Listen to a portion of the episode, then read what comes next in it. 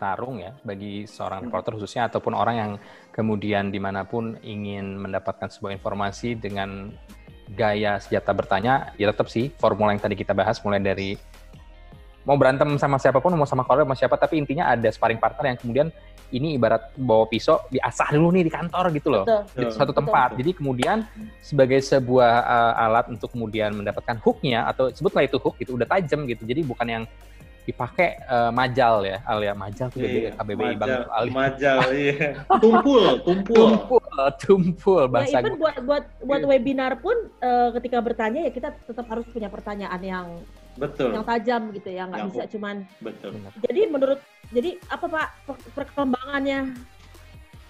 Terus udah jelasin, terus apa ya leadnya ya bingung gitu. Iya. Dong. Sebagai reporter gitu. juga eh, dong. Jadi ketika eh, narasumber menjelaskan dua kalimat ketiga, kita udah harus tahu ini ada leadnya nggak ya? Kalau nggak ada leadnya ya kita harus nanya lagi sampai nemu leadnya. Hmm. Memang harus Hmm. seperti itu. Nah, eh, Ada ini gue gue cuman ini aja apa namanya ada istilah ketika kita bertanya kepada narasumber terus kita disebut sebagai wah pertanyaan lo leading mengarahkan narasumber nah Hmm. kalau eh, waktu gue di lapangan itu gue sampai sejauh sebelum berangkat yang gue buat itu adalah kira-kira omongan dari narasumber yang gue inginkan itu apa aja sih A, B, C, dan D. Dan itu sudah dalam bentuk kalimat SPOK, SPOK, SPOK. Jadi benar-benar kayak ngayal gitu.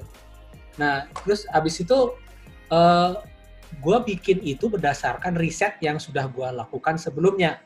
Kayak misalnya gue datang ke pengadilan, ke pengadilan ini sudah masuk ke misalnya pledoi gitu misalnya. Kalau misalnya pas masuk pledoi atau tahapan tertentu dari dari pengadilan itu, gue akan eh, eh, kira-kira oh kalau misalnya pledoi kan itu kan pembelaan.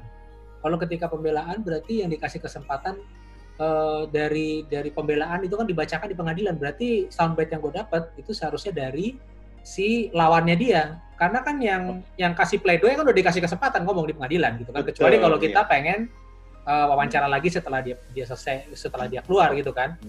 Nah, tapi intinya kalau dia udah bacain pledoi, itulah soundbite-nya dia. Jadi otomatis gue akan ngejar si lawan bicaranya dia. Nah, ketika kita mau ngejar lawan bicaranya, kita udah gue udah bikin bayangin kira-kira kalau misalnya dia isinya pledoi itu kan isinya pembelaan ya. Kalau pembelaan berarti dia Iya. membela dirinya kan. Kalau membela Nilai dirinya berarti dia ya. Hmm. Iya, berarti kan otomatis yang lawannya dia tentunya akan merasa oh, apa kalau misalnya akan defensif. Berarti gua akan berusaha menangkap eh, perasaan dari si lawannya itu atau eh, kira jadi gue bisa membayangkan soundbite-nya seperti apa dan itulah yang gua kejar.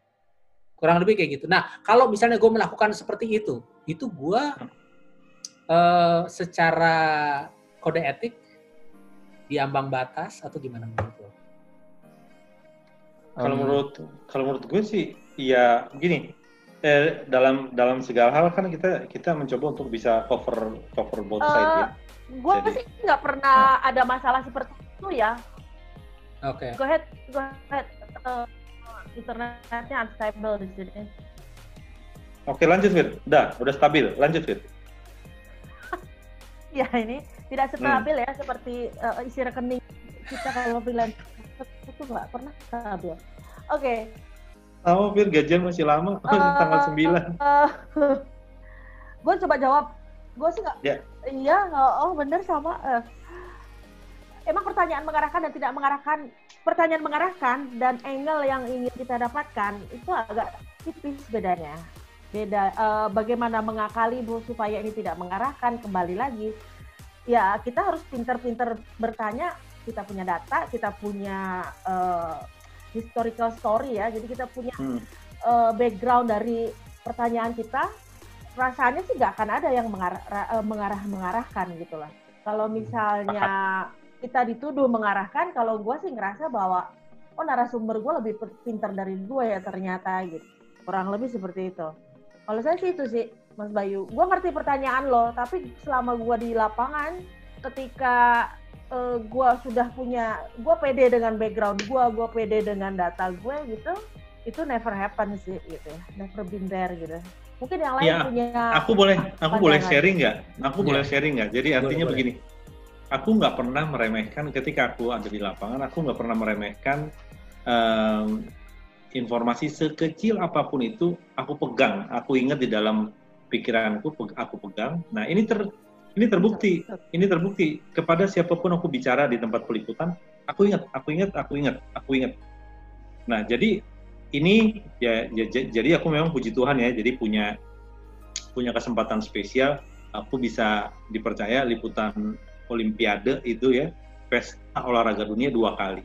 Nah aku uh, di 2012 di London Inggris, kemudian 2016 di uh, Rio de Janeiro Bra Brazil, ya kan? Nah, ketika di Brazil itu, ini artinya apa? Uh, aku sebetulnya udah gentar hatiku, uh, dengkulku juga lemas karena ini momen emas Owi dan Butet, ya kan? Owi dan Butet momen emas dapat emas pertama kali di 17 Agustus hari kemerdekaan.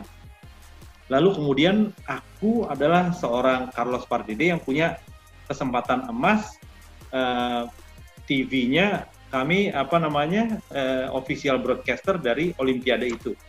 Dan aku punya kesempatan mewawancari dia di lapangan tepat setelah dia dapat pengalungan medali. Dengan ya tentunya dengan semua prosedur olimpiade yang ribet itu ya.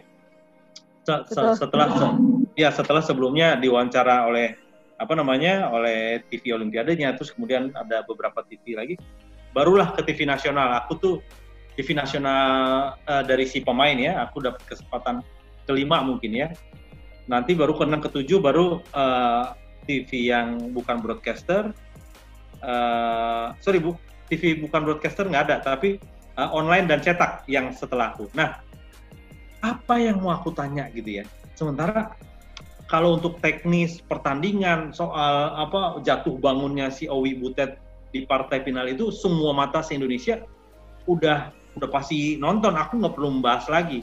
Nah, beberapa jam sebelum itu aku punya keuntungan, keberuntungan gitu ya. Aku menuju ke tempat ke apa ke venue-nya itu eh, bareng TDM chef uh, chef demisyongnya itu RSO Raja Sabta Oktohari kemudian ngobrol gitu ya ngobrol. Dan dia ini orangnya uh, komunikatif terus dia cerita iya nih si apa si Owi Owi dari awal datang ke Brazil ini dia udah nanya uh, Pak CDM nanti itunya apa namanya uh, bonusnya tuh bonusnya dikenain pajak apa enggak? Gitu ya bonus yang berapa miliar itu ya bonus peraih emas kan dikenain pajak apa enggak? Um, oke okay, okay, aku tanya menteri dulu. Udah dia tanya menpora dulu terus akhirnya kebijakan menpora. Enggak enggak enggak dipajakin. Karena biasa kan kalau apa apa yang dari dari instansi itu dipajakin ya. Jadi enggak bulat owi bulat nggak dipajakin. Jadi kalau 5 m untuk emas ya 5 m dapatnya gitu ya. Wow langsung. Oke okay, aku udah keperluan katanya gitu ya. Aku ada keperluan, aku buat ini, ada keperluan katanya gitu. Nah, jadi obrolan itu tertempel di otakku.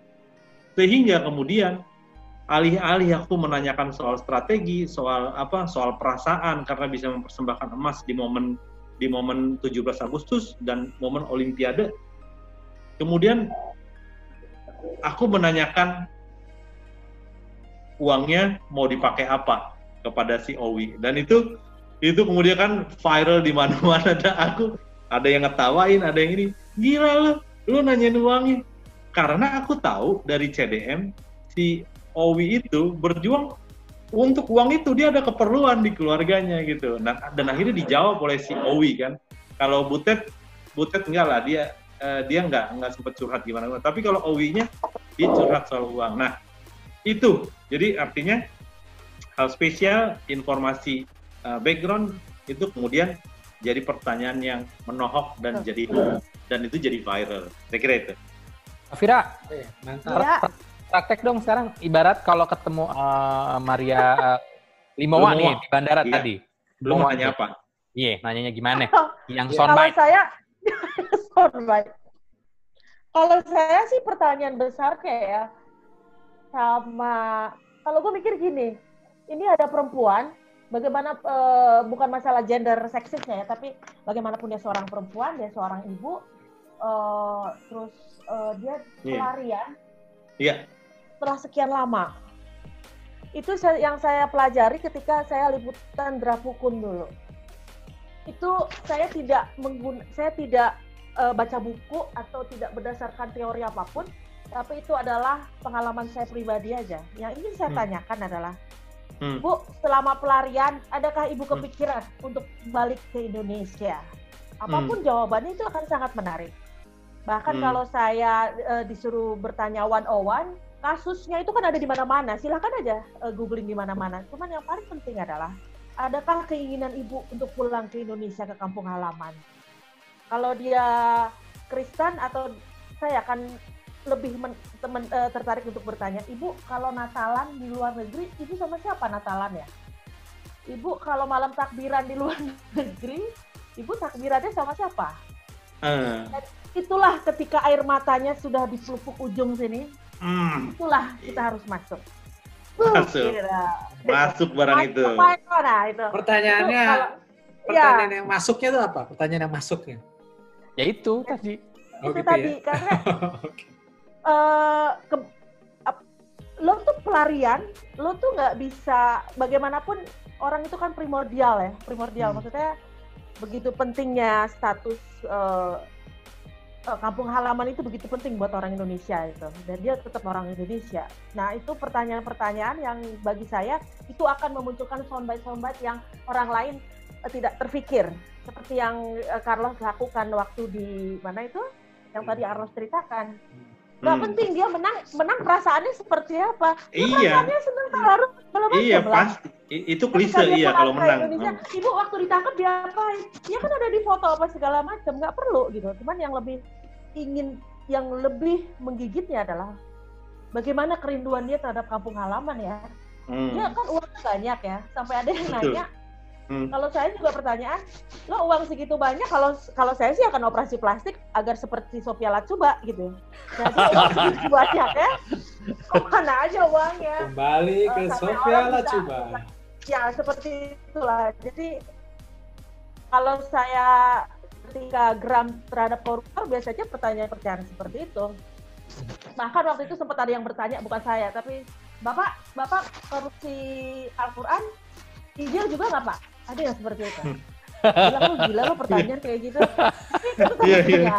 kalau malam Iya, iya. bisa tidur nggak pak? Eh, korupsi Iya. Al-Quran pak gitu. Itu Iya, itu itu stupid question gitu ya. Cuman iya, itu suara hati rakyat loh. Iya, iya, iya, iya, the voice of Iya. the voiceless. Iya, iya, iya, voice iya, of iya, the voiceless gitu ya. Iya, iya, bapak Yang bisa jelas- tidur nggak pak? Korupsi Iya. Al-Quran pak? Bapak baca Iya. Al-Quran pak kalau habis sholat pak? Iya. itu voice of the voiceless. Walaupun gue aduh please deh pertanyaannya pinter dikit dong gitu ya. Cuman kalau saya sih ngelihatnya itu suatu itu hati nurani lah bagaimanapun gitu ya. Ya wah, Hmm. Ya, ya, terlalu dalam Tapi ya. Oke, merobot. Tapi setidaknya kenal ya tadi dua poin tadi ya. Tapi Iya. ya, setidaknya merobot. Pertama, gue sepakat apa yang dis- disimulasikan tadi bahwa ketika munculkan sebuah pertanyaan yang hasil etnografi, observing, dan lain-lain, yang munculkan sifat primordial, itu kan mem- memainkan rasa ya, rasa sedih, gembira, atau marah. Itu yang menurut saya sih eh, sampai ke penonton gitu. Iya. Jadi bukan hot, hanya hot, hot buttonnya giveaway kita push, aja. jadi ya. Yes. Hot Dia buttonnya nangis, kita push. betul bisa macam-macam nih respon netizen nih. Betul. Ngapain lu nangis lu koruptor? Ada juga yang kepikiran, iya juga ya gitu kan. Jadi akan beragam ya. Cuman jadi eh, pendapat responnya akan pasti beragam, terpolarisasi, tapi kemudian minimal ya itu tadinya hook gitu dengan soundbite tadi soundbite karena nangis, terus jawab, terus benar tadi eh, misalkan bu kok nggak operasi plastik? Itu juga sebuah bentuk pernyataan geram mewakili masyarakat, benar banget karena pernah ada kejadian eh, seorang pelaku kejahatan eh, Gunawan ya waktu itu yang menembak Hmm. kasus Asaba kan, dia kan beneran oplas kan, oplas, Hmm. Iya, dramanya iya. itu macam-macam itu. Oplas, dari oplas, tiba-tiba udah diborgol loncat dari mobil. Wow, udah pokoknya seru itu kan. We're talking about stories pada akhirnya ya. Jadi Iya. ujungnya adalah soundbite ya. Tapi kita enakan memang pakai bahasa awalnya story. Kalau berita tuh kesannya kaku. Padahal ya kisah. Kisah tuh lebih bicara soal rasa Iya. pada akhirnya. Jadi betul Soal ke rasa. pertanyaan, ke pertanyaan jangan SPOK biasa aja gitu. Tapi sebuah SPOK yang dipikir udah udah by deep research tepat. ya. iya dengan uh, surrounding of, of our life tadi benar yang berlian 9 miliar Ibu Vira emang bisnis berlian ya sampai tahu itu 9 miliar nggak ada kan itu penting banget itu gitu Iya. contohnya gitu kan Betul, betul, Uh, betul. tapi itu sebuah sebuah gabungan knowledge uh, per- personal knowledge kedalaman ke kemudian di lapangan Betul. yang kemudian terakumulasi dalam sebuah Betul. mungkin kalimat pertanyaan pendek saja begitu kan sebuah frase gitu kan ibu uang sebanyak itu nggak dipakai operasi plastik itu kan julid gitu kan tapi mewakili itu kan satu Julid, julid. Iya. Iya. masuk ke zaman Betul. sekarang gitu Oke oke. Betul, betul, Baiklah. betul. Ini- ini penting banget nih Kita Yes, Ah. yes, yes. Nah, Iya, ini penting. Mbak, ini, pernah kita saya pikir Lanjut kita lagi. kita tutup dulu. Sudahi dulu. Ah, Oh, sudahi dulu. dulu. makanya satu topik aja soundbite udah seru nih Iya, soundbite Iya. aja udah seru. Nah, mungkin kalau kasih kalau judul misalnya soundbite Iya, kalau kalau kalau Oke. misalnya kalau misalnya dirasa belum cukup nanti kita sambung lagi. Ya nggak masalah. Oke, iya. Iya kan? Oke. Karena emang jujur seru sih. Maksud gua banyak yang perlu bisa digali sebenarnya. Tapi karena keterbatasan waktu dan juga kan gue Iya. Yes. juga perlu ngedit ya. Kalau misalnya bahannya ada dua jam gitu kan, gue mampus gue. Jadi Aduh, iya, iya. Oke. Maaf, maaf, maaf. Ah. Oke, ya udah kalau gitu uh, thank you Yes. teman-teman. Nanti kita akan lanjutkan lagi minggu depan. Eh, minggu depan. Maksudnya kita akan lanjutkan lagi dalam episode berikutnya. Sampai ketemu Iya. lagi. Dadah. Salam, salam soundbite, salam Salam soundbite. Salam soundbite. Selamat malam. Makasih Mas Bayu. Bye-bye. Aku Iya. yang bagus. Ya, dah. Dadah.